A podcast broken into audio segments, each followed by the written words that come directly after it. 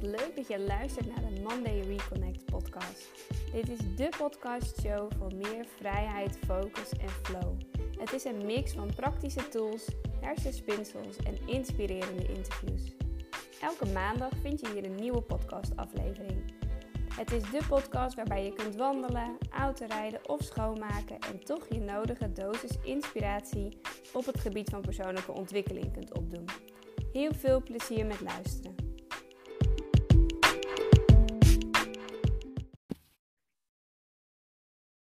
Hmm.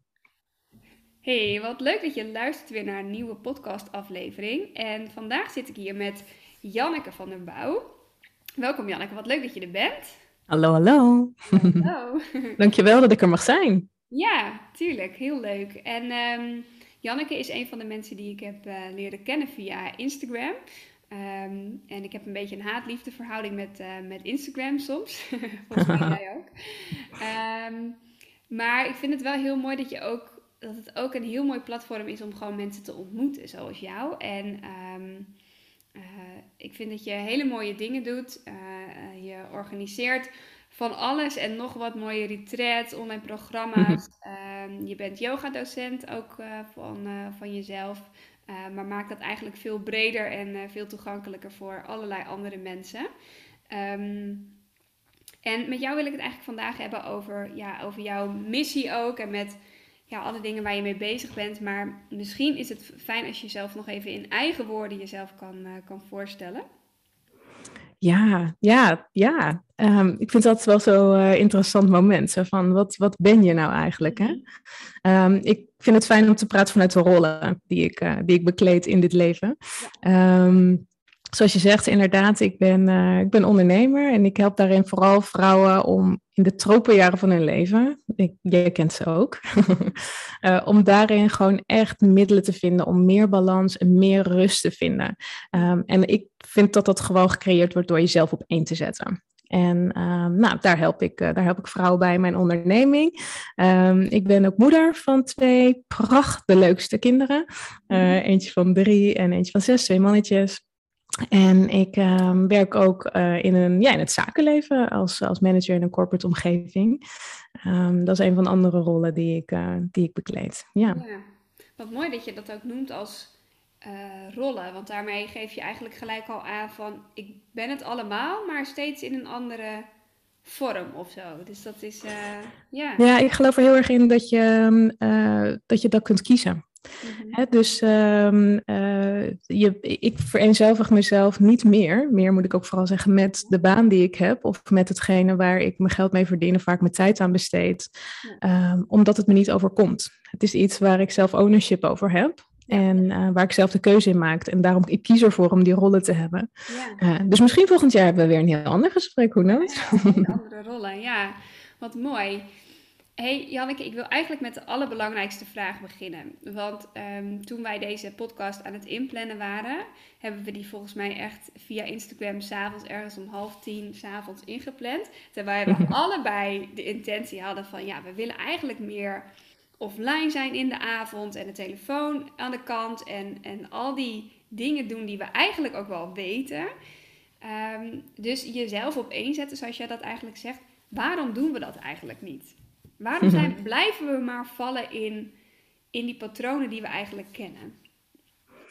Omdat het ons comfort geeft. Het, geeft eh, het levert ons altijd iets op. Hè? En ehm, zelf eh, probeer ik, en dat zie ik ook echt in mijn één op één programma's, dat dat mensen lukt om keuzes te durven gaan maken. Ja. En dan is dat scrollen op Instagram kan een keuze zijn. En dat is het zoals nu. Ik, ik had jou anders niet ontmoet. Dus hoe te gek dat wij deze verbinding hebben kunnen maken doordat we allebei ervoor gekozen hebben om ons op Instagram te begeven. Mhm. Ehm, en zo is het voor mij, en zo probeer ik het ook steeds meer een keuze te laten zijn waar ik mijn tijd aan besteed. En voor mij is het dus ook s'avonds dan kan echt een keuze om dat te doen. Uh, maar ik snap helemaal wat je bedoelt. Soms voelt het meer als een uitlaatklep, hè? of dan stort je naar je werk of naar je, um, naar je drukke leven. De kinderen liggen op bed, dan stort je soort van op de bank en dan heb je het gevoel dat je geleefd wordt. Mhm. En dat, dat het je overkomt en dat je dus um, niet meer die keuze kunt maken van, oh, ik zou eigenlijk liever willen sporten of eigenlijk even beter die wandeling kunnen maken, want dat, dan voel ik me eigenlijk beter. En dat is volgens mij waar het precies over gaat, hè? om dat jezelf op één te zetten, om dat te leren herkennen. dat je dat doet. Dat je dus eigenlijk niet uit die keuzes handelt, maar vanuit dat soort ja, slachtoffer eigenlijk. Hè, van, oh, wat heb ik het allemaal druk.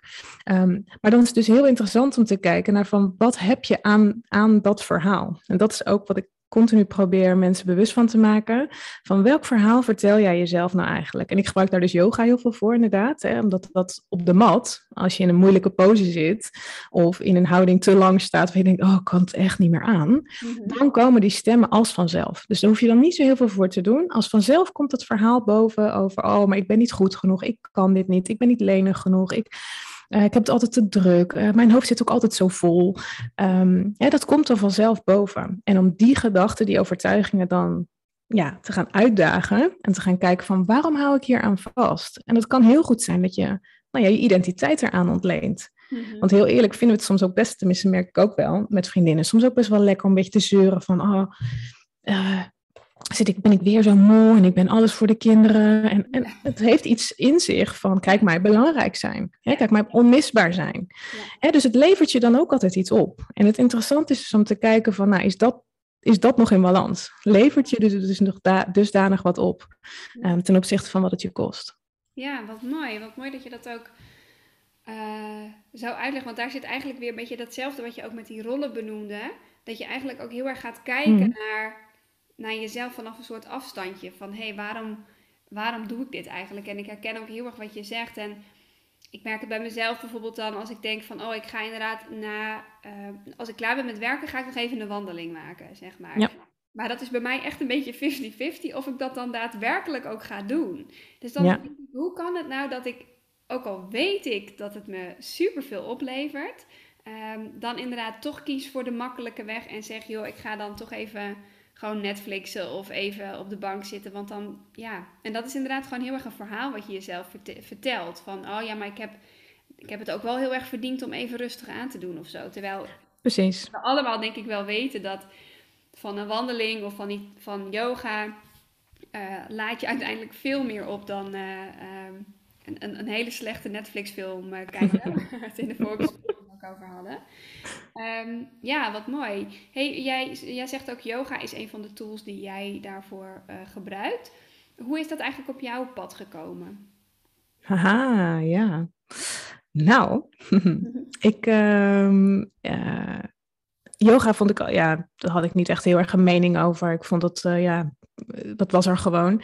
Um, maar op een gegeven moment heb ik in ik heb 2008 een auto-ongeluk gehad. En een dusdanig ongeluk waarbij ik elke dag daarna pijn had. Dus ik had een uh, whiplash en een uh, hersenschudding en uh, de hele shabam. Um, en doordat ik niet meer kon werken, dat ik niet meer de rol kon bekleden waarvan ik dacht dat ik hem was, namelijk uh, op dat moment was ik een, uh, een consultant, um, en de uren niet meer kon maken die ik merkte, uh, dacht ik, wie ben ik nou eigenlijk? Hè, wie, wie, ik, ik ben toch die succesvolle, ambitieuze jonge vrouw die um, hè, dadelijk de wereld hier wel eens even laat zien hoe het allemaal werkt. Um, en nu zit ik hier thuis in het donker en kan ik bijna niet meer liggen. Mhm. En um, dat heeft voor mij toen wel een soort, uh, ja, daar, daar, ben ik ook in een burn-out. Dat was uh, mijn eerste. Dat hebben we nog even. Uh, ben ik in een burn-out terechtgekomen. En vanuit daar uh, ja, ben ik wel wat meer in mindfulness natuurlijk gaan kijken. Maar heb ik ook yoga ontdekt. Want dat was toen op dat moment eigenlijk de enige vorm van beweging waar ik ja, niet zoveel pijn had. Um, ik hou van een challenge en ik ben ook wel gedisciplineerd. Dus um, toen uh, een van de artsen zei van ja, sorry, maar jij gaat gewoon niet meer op een festival, zie ik je niet meer dansen, weet je wel? Dat is, dat, dat, dat, ja, dat moet je gewoon een beetje vergeten. Nou, dat was voor mij echt een soort die rode lap. Ken je dat? Dat je echt denkt, ja. uh, hell no. Ja. Um, ik en meer dansen, no way. Dus toen heb ik um, daarmee echt wel gedacht, ik ga zo hard voor werken dat ik, um, uh, ja, dat die pijn gewoon niet meer uh, gaat bestaan. En ja, ben ik dus inderdaad, heb ik maar yoga toegegeven en daar, daar ben ik gewoon verliefd geworden. De eerste keer dat ik daar op die mat uh, zoveel confrontaties met mezelf en mijn lichaam aanging. Maar ook in de mind, hè, dat je in shavasana de eindontspanning ligt. Um, en alleen maar denkt aan je to-do-lijst, aan alles wat er nog gedaan moet worden, en wat je allemaal niet kan.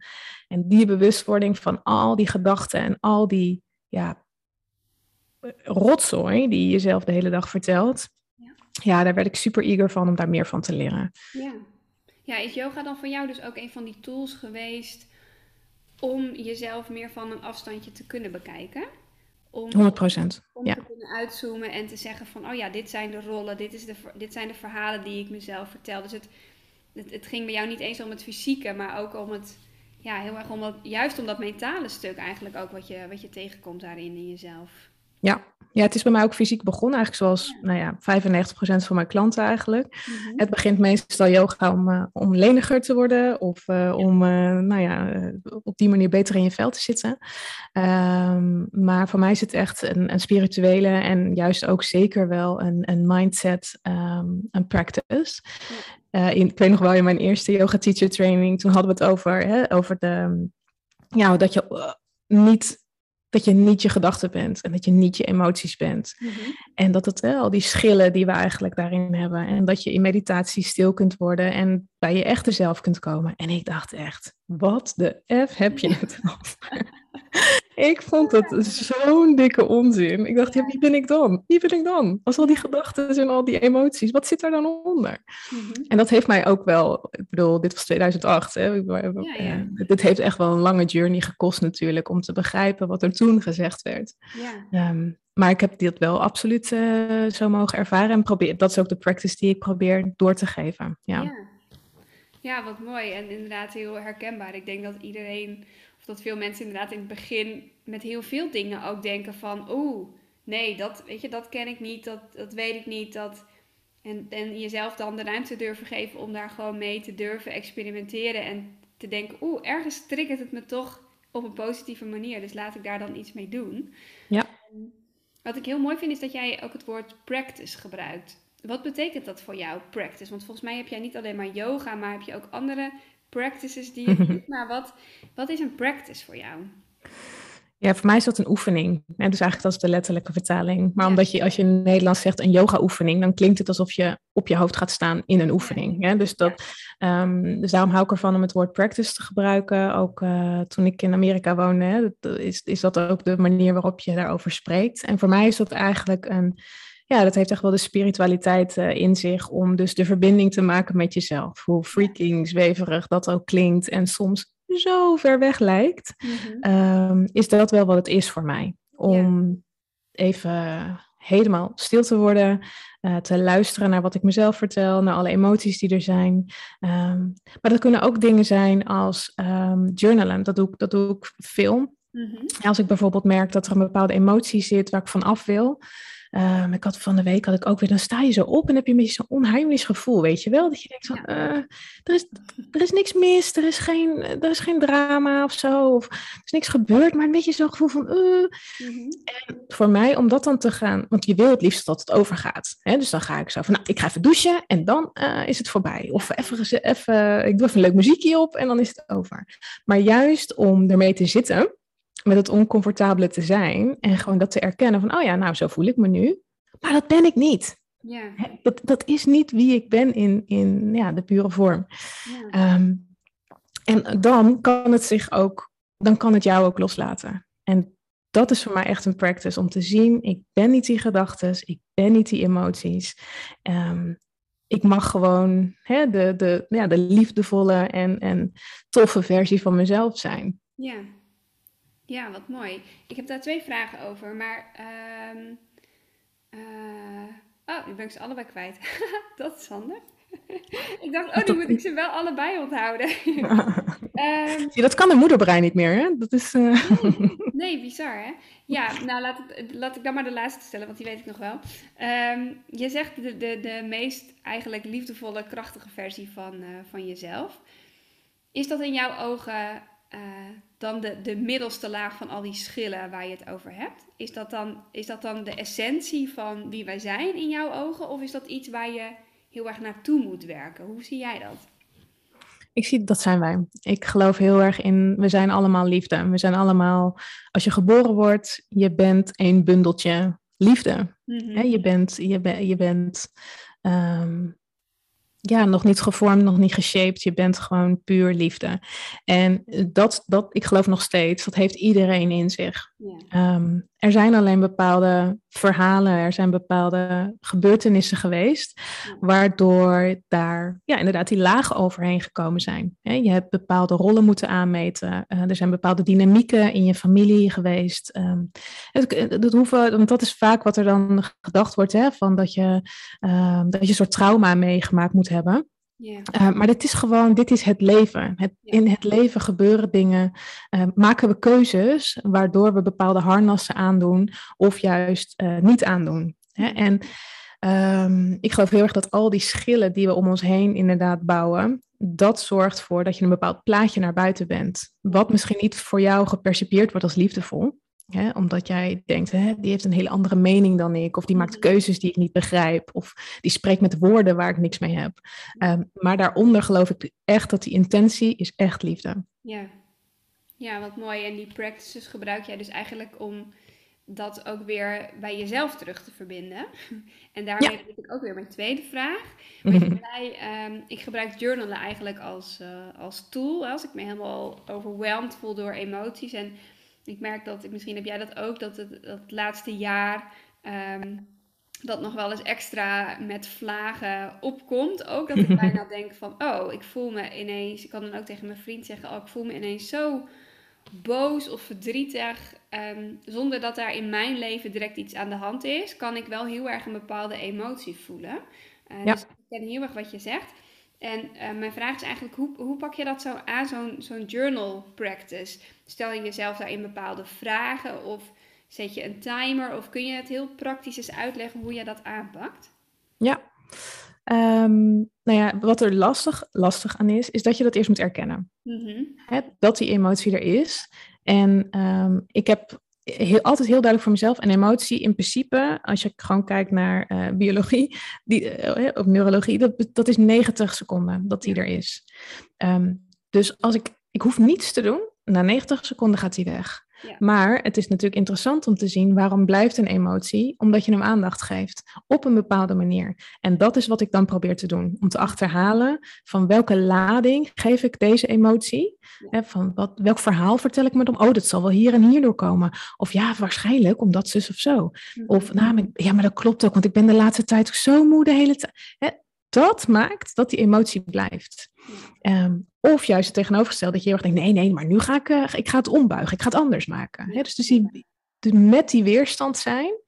En, um, en dus dat journal helpt me dan inderdaad om vragen te stellen. Van oké, maar wat is het dan precies? Hoe komt dit dan? Um, waarom vertel ik mezelf dit? wat voel ik? En voor mij gaat het ook heel erg over mijn lichaam. Dus waar voel ik het nou precies? Zit het in mijn keel? Zit het in mijn buik? Waar... Dus, dus zo probeer ik het eigenlijk af te pellen. Ja. dus zodat je, dat je tot de, de kern... En vaak ben ik halverwege en dan is het eigenlijk al voorbij. Ja, maar je probeert dus wel heel erg... Um, er ergens iets, iets uit te halen of te achterhalen. Of je, je, want je kan ook denken, joh, ik ga mediteren en wachten tot de emotie weggaat. Maar je, je hebt wel, want op het moment dat je gaat journalen, je gaat wel echt daarnaar kijken... Ehm, dan heb je wel blijkbaar ook een intentie dat je zegt: hé, hey, ik, wil, ik wil daar wel iets uithalen of ik wil achterhalen waar die vandaan komt. Uh, klopt dat dat je daar zo naar kijkt? Of? Uh, nee, voor mij gaat het meer in van waarom beïnvloedt het me zo op dat moment. Oké, ja. Dus, niet dus het gaat me niet zozeer om de oorzaak. Nee, nee, nee. Oké. Okay. Nee. Ja, dus meer over inderdaad waarom beïnvloedt het me inderdaad nu en, en waarom voel ik dit nu zo? Ja, en welk gedrag, hè, dus waar uh, zit het bijvoorbeeld in mijn lichaam en welk gedrag vertoon ik daarna? Zo, eh, bijvoorbeeld zo'n voorbeeld hoor ik ook heel vaak bij, uh, mijn klanten die zeggen, ja, ik kom s ochtends dat bed niet uit. En dan staan die kinderen daar al helemaal hyper de pieper en dan, pff, ik ben echt zo moe. Mm um, dat is ook zo'n moment waarbij ik dan waarbij je echt kunt, kunt merken van wat vertel ik mezelf. Ook oh, vind mezelf zielig, want we hadden weer een gebroken nacht vannacht. Of, ehm, en dan kun je dus kijken van waarom hecht ik zoveel waarde op dit moment aan die emotie. En welk gedrag vertoon ik daar? Dus ik blijf langer in bed liggen. Ik druk nog een keer op die snoesbutton. Um, ik ga toch uh, beginnen met koffie in plaats van dat ik weet dat het beter is om eerst even wat anders te drinken of te eten. Hè? Dus en dat vind ik dus interessant om te zien van welk gedrag vertoon je naar aanleiding van die, ja, van die emoties. Ja. ja, precies. Om daar dan inderdaad ook mee aan de slag te gaan. En ik vind het ook wel mooi dat jij zegt, want dat heb je ook in je, in je Instagram-biografie zijn. En je noemde dat net ook in je titel, de, de tropenjaren. Hmm. ook specifiek daarop richt. Waarom zijn die, denk jij, zo uitdagend voor je, voor ons, zeg maar, als is het, is het alleen voor vrouwen dat de tropenjaren uit, uit, uh, uitdagend zijn? Of hoe zie jij dat eigenlijk? Nou, ik had toevallig in mijn laatste retreat had ik, een, uh, had ik ook een man uh, die ditzelfde, precies ditzelfde vertelde. Dus ik denk niet dat dat, nee. dat, dat voor... Alleen, ik geloof wel dat vrouwen meer een opofferend karakter kunnen hebben. Mm -hmm. omdat wij heel erg in de wereld geleerd hebben dat je pas een goede vrouw bent als je jezelf opoffert. Ja. Hè? Um, als jij jezelf wegcijfert, als je altijd maar lief bent voor iedereen, als je schattig, mooi en blij bent, dan uh, ben jij een goede vrouw. Dus daarom denk ik wel dat wij geprogram meer geprogrammeerd zijn daarin dan mannen. Um, maar ik denk dat dat, ja, dat dat, dat, dat voor mij, als ik, laat ik hem even, en wat ik dus ook veel zie, um, in die tropenjaren word je geconfronteerd met rollen waarvan je uh, bepaalde consequenties ervaart die je misschien van tevoren niet had verwacht. Mm. Hè? Dus het moederschap, bijvoorbeeld gecombineerd met je werk, uh, zorgt in een disbalans over van wat jij denkt dat je, dat je was um, en, en wie je dan nu eigenlijk, hè, waar je dan nu je tijd aan besteedt. Mm. En er zit vaak heel veel frustratie onder. Hè? Wat ik dus, dus veel mensen hoor zeggen is, um, uh, vroeger was ik heel erg gepassioneerd over nou, deze en deze hobby, maar nu heb ik daar geen tijd meer voor. Of ja, maar ja, eerst eh, ik was altijd zo blij als ik uh, met mijn vrienden lekker, uh, of vriendinnen iets leuks ging doen. Ja, daar heb ik nu nooit meer tijd voor. Dus er zit een frustratie in. En die frustratie, en dat dus, hè, is ook een methode om er goed naar te kijken. Daaronder zit altijd een verlangen. Hè, en daaronder zit natuurlijk, ik wil eigenlijk heel graag iets doen waar ik blij van word. Ik wil mhm. heel graag iets doen waar ik energie van opdoe. En dat, jongens, heel eerlijk, heel weinig mensen doen maar energie op door de was op te vouwen. Of door nog een keer eten te koken waar die kinderen gewoon weer zeggen, nee, dus ik niet. Hè, dus dus de, dat, dat is gewoon ontzettend moeilijk om daar je energie uit te halen. Ja. En ik denk dus daarom gaat het voor mij ook over dat opeenzetten die verlangens, datgene waar jij gepassioneerd over bent, waar jouw vuur van aangaat, omdat, dat mag je ook aanhouden. Daar mag je voor kiezen om dat te blijven doen. Ja, ja mooi. Daar ga ik zo meteen nog even iets over vragen. maar um, uh, die frustratie vind ik wel mooi dat je dat zegt, want ik, um, ik, ik denk dat het ook bij heel veel mensen meespeelt dat ze een bepaald verwachting, een bepaald beeld ergens van hebben en dat de realiteit dan anders is. En dat daar ook hmm. heel veel frustratie in zit. En ik merkte dat ik dat zelf ook had toen ik de overgang maakte, zeg maar, van naar het moederschap. Dat ik dacht, waarom lukt het al die andere mensen wel om een soort Pinterest-waardig huis te hebben? Zelf in de make-up te zijn, het haar zelfs nog met een krultang. Um, en dan, dan ook nog Instagram stories opnemen terwijl je met een, een laptop en een baby. Dat ik echt dacht, nou. Hoe dan? Ja. Hoe dan? Dus ik merkte ook dat, um, ja, dat dat ook wel heel erg meespeelde. Dat dat, dat dat mij ook op het moederschapstuk. En misschien heb je dat niet op moederschap, maar op ondernemerschap. Weet je, dat je denkt, hé, hey, waarom ja. lukt het haar wel? Dat dat ook wel heel erg triggert. Denk je dat dat meespeelt, eh, eh, zeg maar, dat de afgelopen jaren, dat we ons bijna ons hele leven, of in ieder geval de mooie kanten van het leven online zetten, waardoor we ja, daar ook wel eens onzeker van kunnen worden? Ja, nee, dat, dat zal daar zeker in bijdragen. Maar ook daar geloof ik erin dat je een keuze hebt. Ja. Hè, dus als jij uh, uh, zulke mensen volgt, dan je hebt ook een keuze om ze te ja. ontvolgen of om er niet naar te kijken. Hè? Ja. Dus, en dat is dan even dat bewust worden van mm -hmm. waarom, waarom trekt mij dan dit toch? Van uh, wat haal ik hier uit? Wat levert het mij op om ja. dit te bekijken?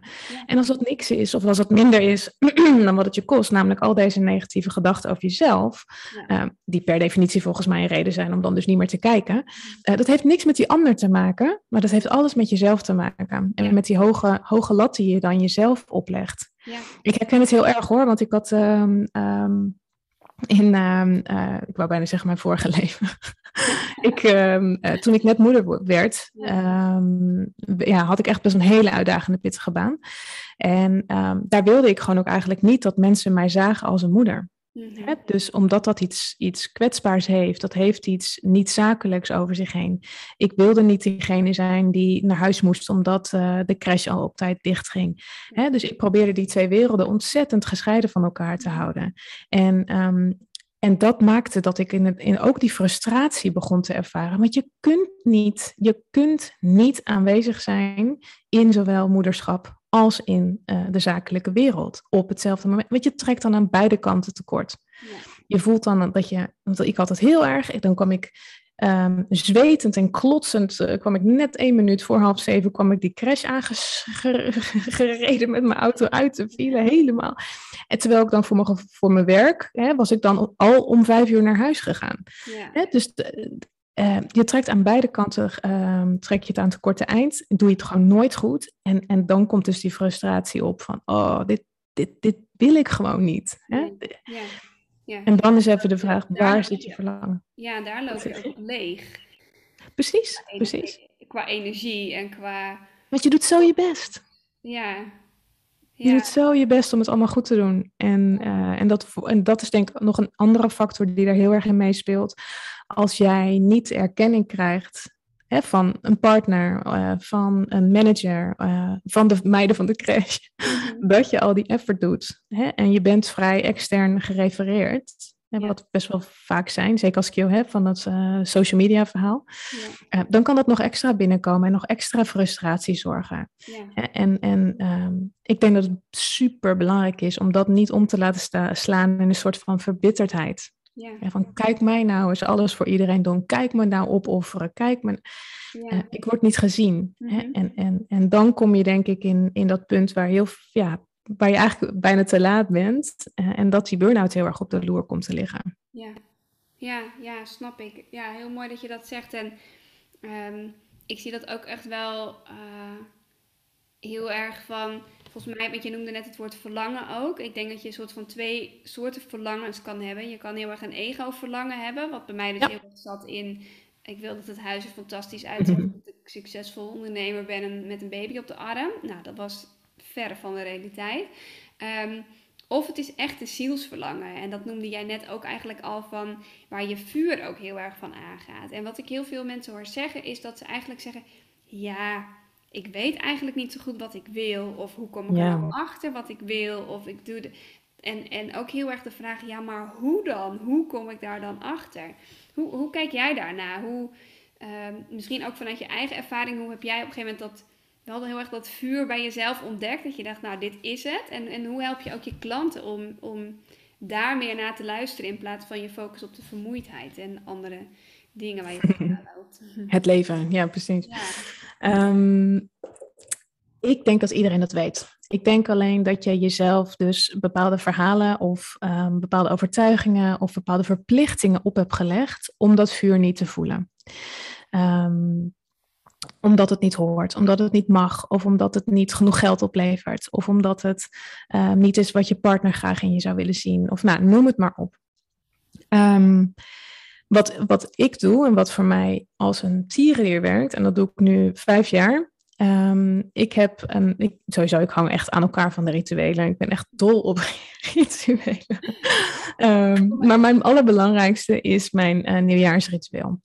En um, daarin ga ik extreem voelen. En dat doe ik uh, door dus yoga, meditatie, ademhalingstechnieken ga ik heel erg voelen naar wat is hetgene wat ik wil en wat is hetgene waar ik naar verlang. En dat hoeft dan nog niet zo concreet te zijn als in een, um, in een beroep. Hè, of als in een bepaalde rol. Want dat is dan wat we graag als antwoord willen hebben. Hè, van welke rol moet ik dan spelen? Um, maar ik ga heel erg voelen van waar, waar, voel ik nou echt dat ik behoefte aan heb? Waar wil ik naartoe? Um, nou, en dan is, is zo'n intentie, zo'n woord, zo'n verlangen. Mm -hmm uh, voor mij een aanleiding om dat vervolgens af te pellen naar bepaalde doelen. Dus dan ga ik heel erg kijken, oké, wanneer zou ik dat me zo voelen?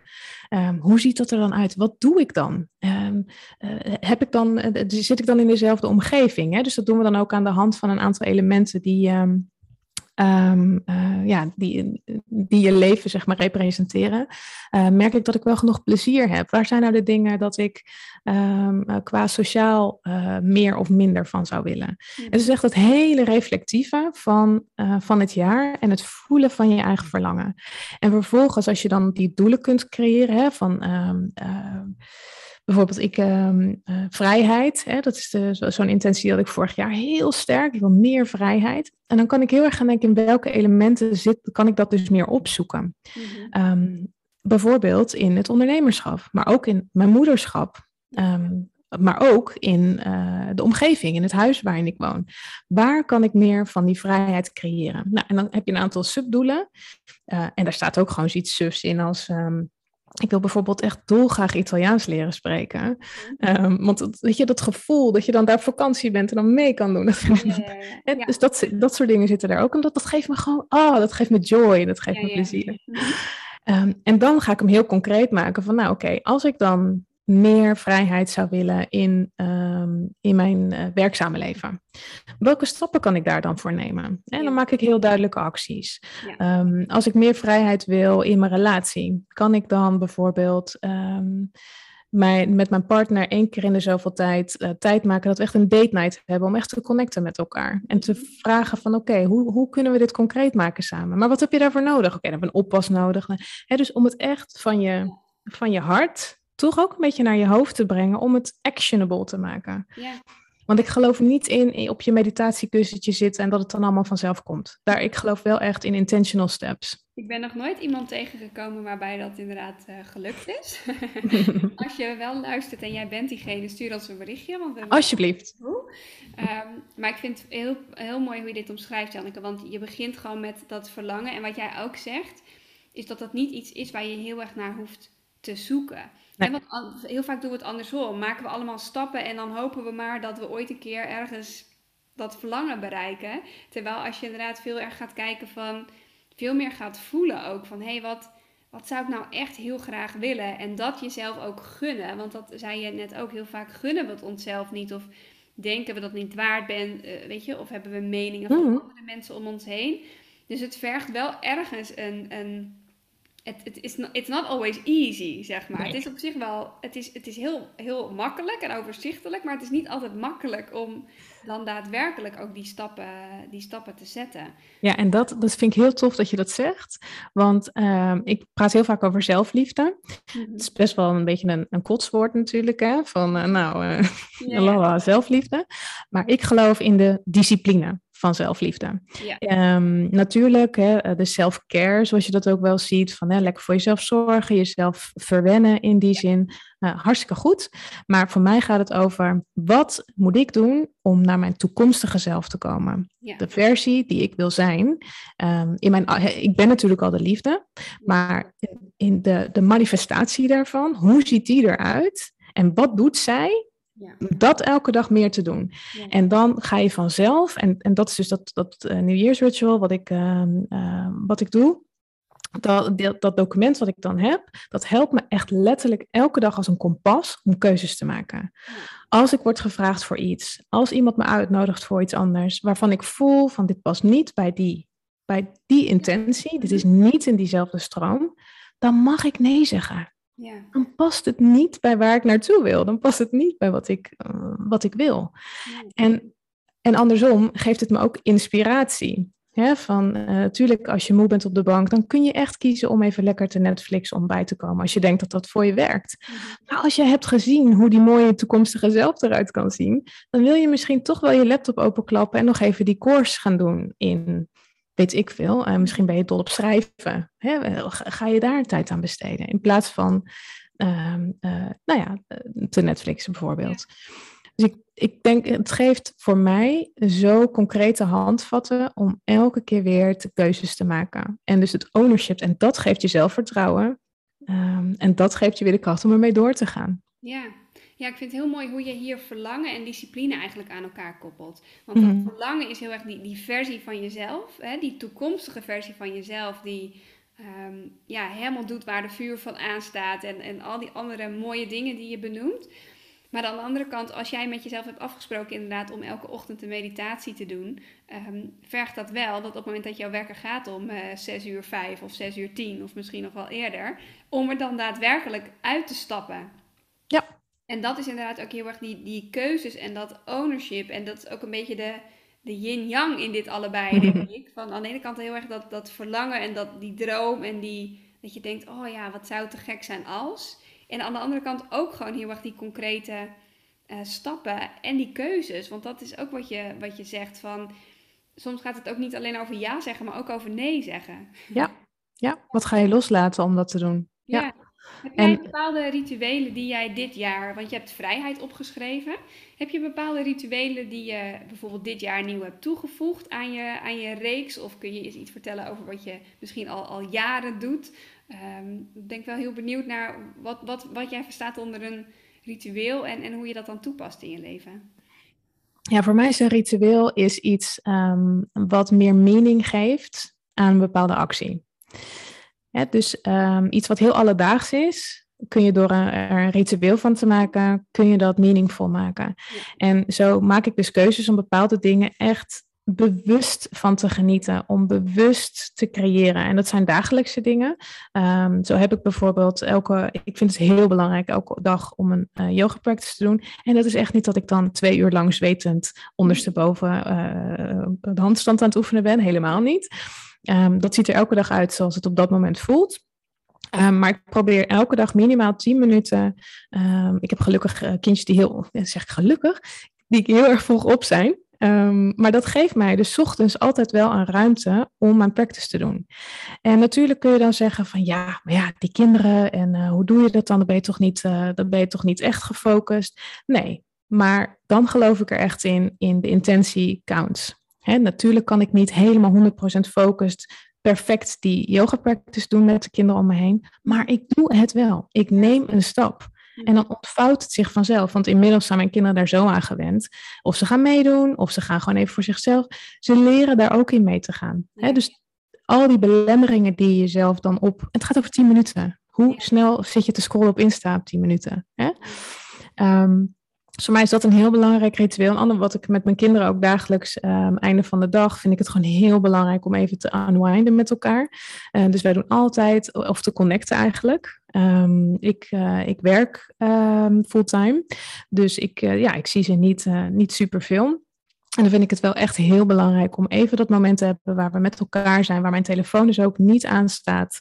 Um, waarbij we gaan lezen, een spelletje doen, um, even samen nog Lego bouwen. Dat is echt bij ons grote hit. Um, ja, om heel even zijn, zeg maar. tijd met elkaar in het moment. Want dat vind ik dus ook heel belangrijk om met hun die tijd te besteden. Ja. ja.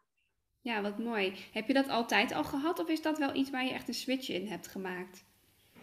Nou, ik ben altijd wel een beetje een zakker voor rituelen geweest. Oh ja. um, dus ik ben wel altijd, um, ik vind het heel belangrijk om ja, van die kleine dingen um, uh, belangrijk te maken. Weet je wel, zo, van zo doen wij het ook met elkaar. Het kan ook voor heel verbindend werken ja. in relaties met vriendschap. Ik heb ook een vriendinnetje met wie ik dolgraag altijd um, uh, connecten. Gaan we altijd afhalen bij dezelfde thai. En dan drinken we dezelfde wijn. En dan, weet je wel, dat is gewoon een soort, dat is een ritueel. Daarmee wordt de verbinding met elkaar sterker. En ja, dan voel je daar ook gewoon een soort waardering in elkaar.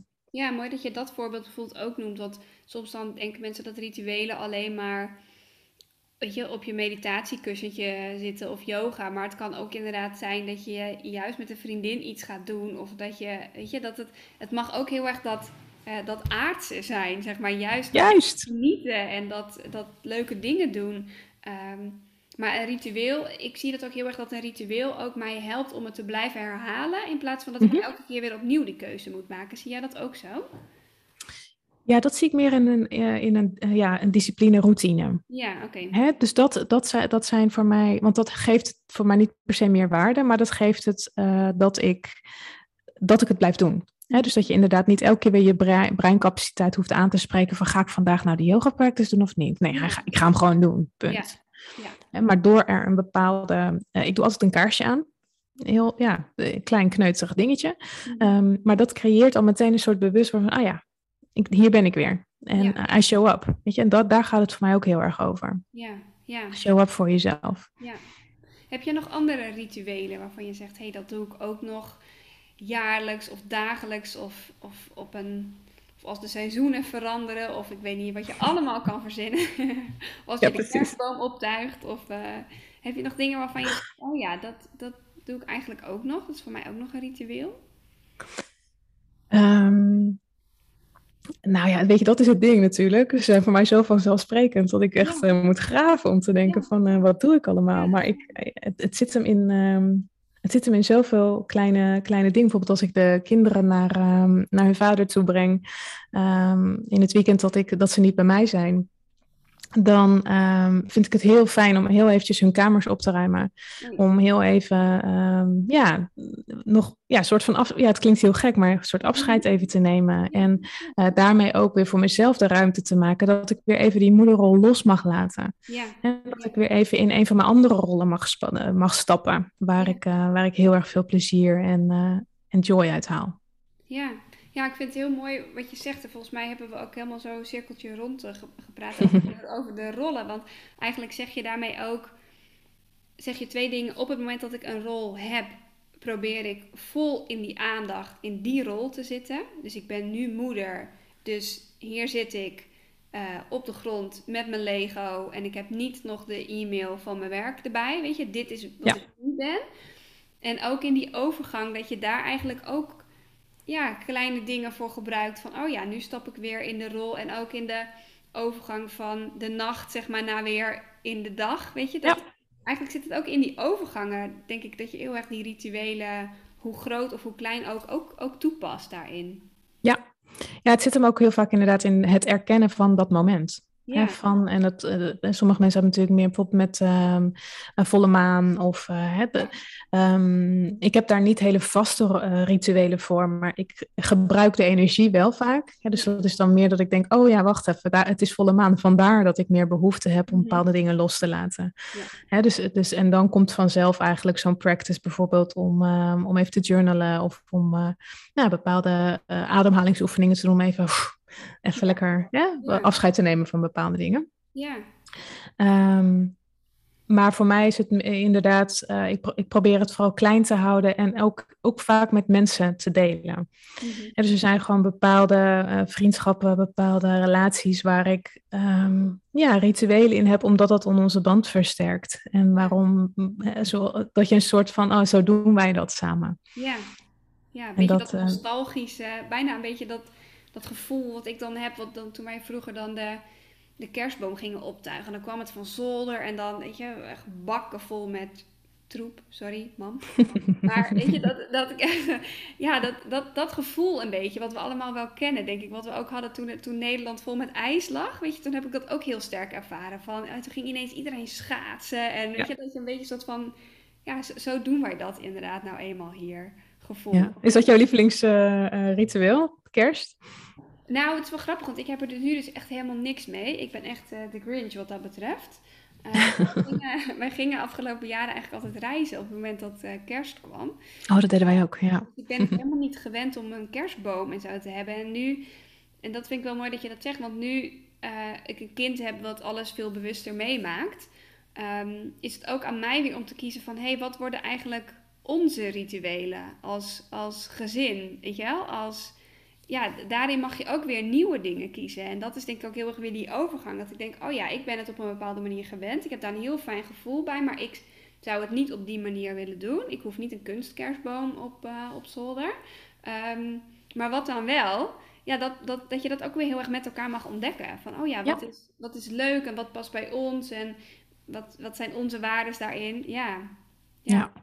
ja dat, is, dat is te gek. Want ik het is, het is ook vaak niet hetgene wat je precies doet, maar meer de, de, de meaning die je eraan geeft. Ja. Zo hebben wij, um, hadden wij als kind, we hadden dan één McDonald's op een gegeven moment bij ons relatief in de buurt. Mm -hmm. En daar mochten wij nooit naartoe, um, behalve met Sinterklaas. Dan gingen we dus, Sinterklaasavond, want dan had mijn vader namelijk tijd om alle cadeautjes neer te zetten. Ja. Uh, maar dat wisten wij toen natuurlijk niet. Mm -hmm. Dan mochten we met Sinterklaasavond, mochten wij naar de McDonald's. Nou, en dat was een soort, dat gaf mij toen al zo'n gevoel van overvloed. Zo'n soort wel, ja, weldadigheid. Ja, ja. Dat ik dat nog steeds een soort van mooi ritueel vind. Ja. Um, terwijl dat natuurlijk helemaal niet past bij al mijn andere um, values. Maar hè, dus het, het, het, um, het hoeft hem echt niet te zitten in wat je doet, maar, maar echt in de, de waarde die je het geeft. En het kan zitten in zo'n klein kaarsje aansteken of even voor jezelf dat kopje thee uh, uh, inschenken in de avond. Of heel, het kan in hele kleine dingen zitten. Ja, ja super mooi. Dankjewel. en ehm, ja, ik denk dat we, dat we heel veel hebben besproken en dat het ook een heel mooi rond cirkeltje is, is geworden. uh, waarmee het eigenlijk ook wel begonnen is. Um, als mensen meer over jou willen weten, willen leren, waar kunnen ze jou volgen? En ik ben ook wel benieuwd of je nog iets concreets kan vertellen. Je had het net over je nieuwejaarsritueel. Volgens mij doe je dat, uh, deel je dit jaar dat ook met andere mensen. Dus misschien ja. kun je daar ook nog iets over vertellen. Ja, nou ja, op eh, Instagram, dat weet jij als geen ander, kan je me vinden op uh, Heartrise Yoga. Ja. En uh, nou ja, daar deel ik inderdaad uh, van alles over, uh, nou ja, moederschap, ambitie, maar vooral ook over hoe je jezelf opeenzet. En ehm, inderdaad, New Year's Ritual komt er weer aan. we beginnen 15 december. En, maar het blijft open tot en met eind januari, zodat je gewoon op je eigen tempo het ritueel kunt doen. Um, en zelf doe ik dit dus al, ja, al best wel een aantal jaar. En sinds vorig jaar heb ik het ook gedeeld. En ik, ja, het is zo tof om te zien welke mooie inzichten mensen hebben. En hoe het ze dan helpt de rest van het jaar om die keuzes te maken. Hè? En, um, ja, vaak hebben mensen met yoga van, oh, daar moet ik nog iets voor zijn of iets voor hebben. Of, hoe vaak ik de vraag krijg, welke broek moet ik aandoen? Ja. Dat, hè, um, dat, dat, ik begrijp het.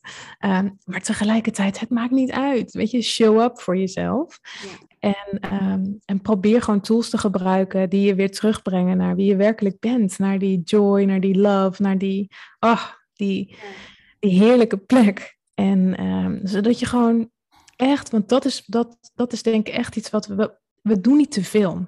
We doen echt niet te veel met elkaar. Het is dat we te weinig doen van wat ons aanzwengelt. Ja. Maar ik geloof echt, als jij oplaat, en dat kan ook juist van heel veel doen zijn. Ja. Als jij oplaat, dan kun je gewoon die prachtige, super powerful versie van jezelf geven. Ja. En serieus, als we dat allemaal doen, Holy crap, wordt de wereld. Manier, op een andere eh, manier. ja, hoe vet is dat? Ja, prachtig. Dus ik denk echt wel dat dat. Uh, nou goed, dan ga ik weer hem afdwalen. Maar goed, in New Year's Ritual dus um, leer ik je of help ik je om uh, ja, bij dat verlangen te komen, maar die ook concreet te maken richting. Um, nou, hoe ga je dat dan de rest van het jaar um, ja, hoe ga je dat voor de rest van het jaar doen? En uh, ja, één op één programma heb ik ook. Dus als je met me één op één wil werken, dan uh, helemaal fantastisch. Uh, maken we een gesprek en kijken we even of, of ik wat voor je kan doen. Ja. Dus dat, dat kan ook altijd. Leuk. Ja, dankjewel. Ik heb um, bij jou niet jouw nieuwjaarsritueel gedaan vorig jaar, maar wel jouw lente...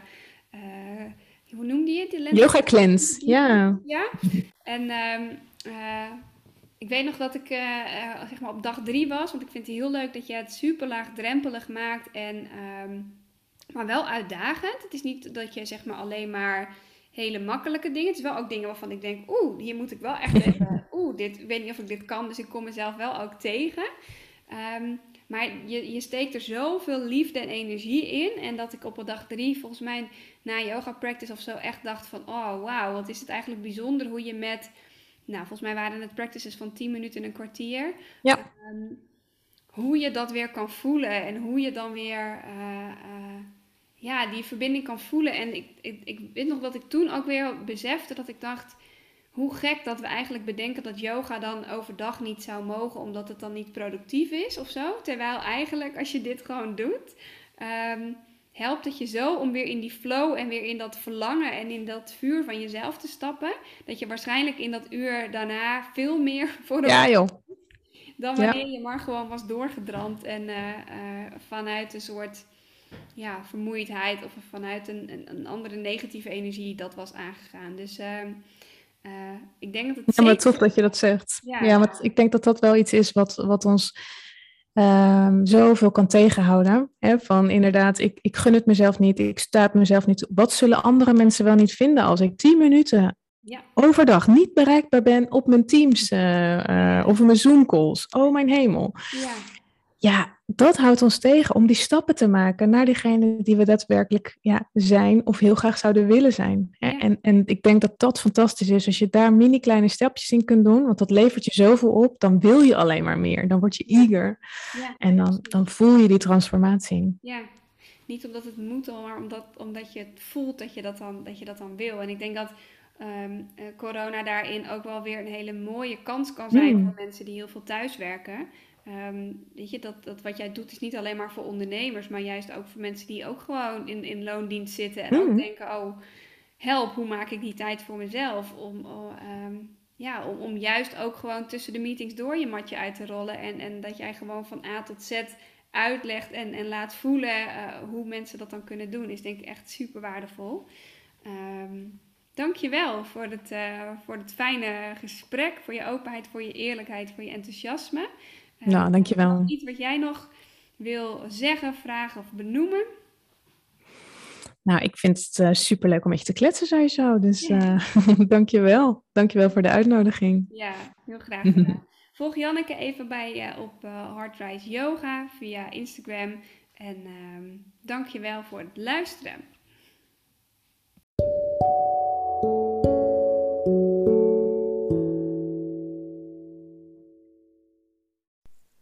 Dankjewel voor het luisteren naar de Monday Reconnect podcast. Hey, vergeet je niet te implementeren. Heel vaak ontvangen we zoveel inspiratie dat we niet meer weten wat we er nou mee moeten doen. Daarom de vraag aan jou: wat is één ding wat je deze week al zou kunnen doen? Ga je dat doen? Super tof. Vond je dit een leuke podcast? Screenshot het, deel het via social media en vergeet niet Monday_NL te taggen. Als je je abonneert op het kanaal, wordt de podcast nog meer zichtbaar voor anderen. Dus doe dat. Dankjewel.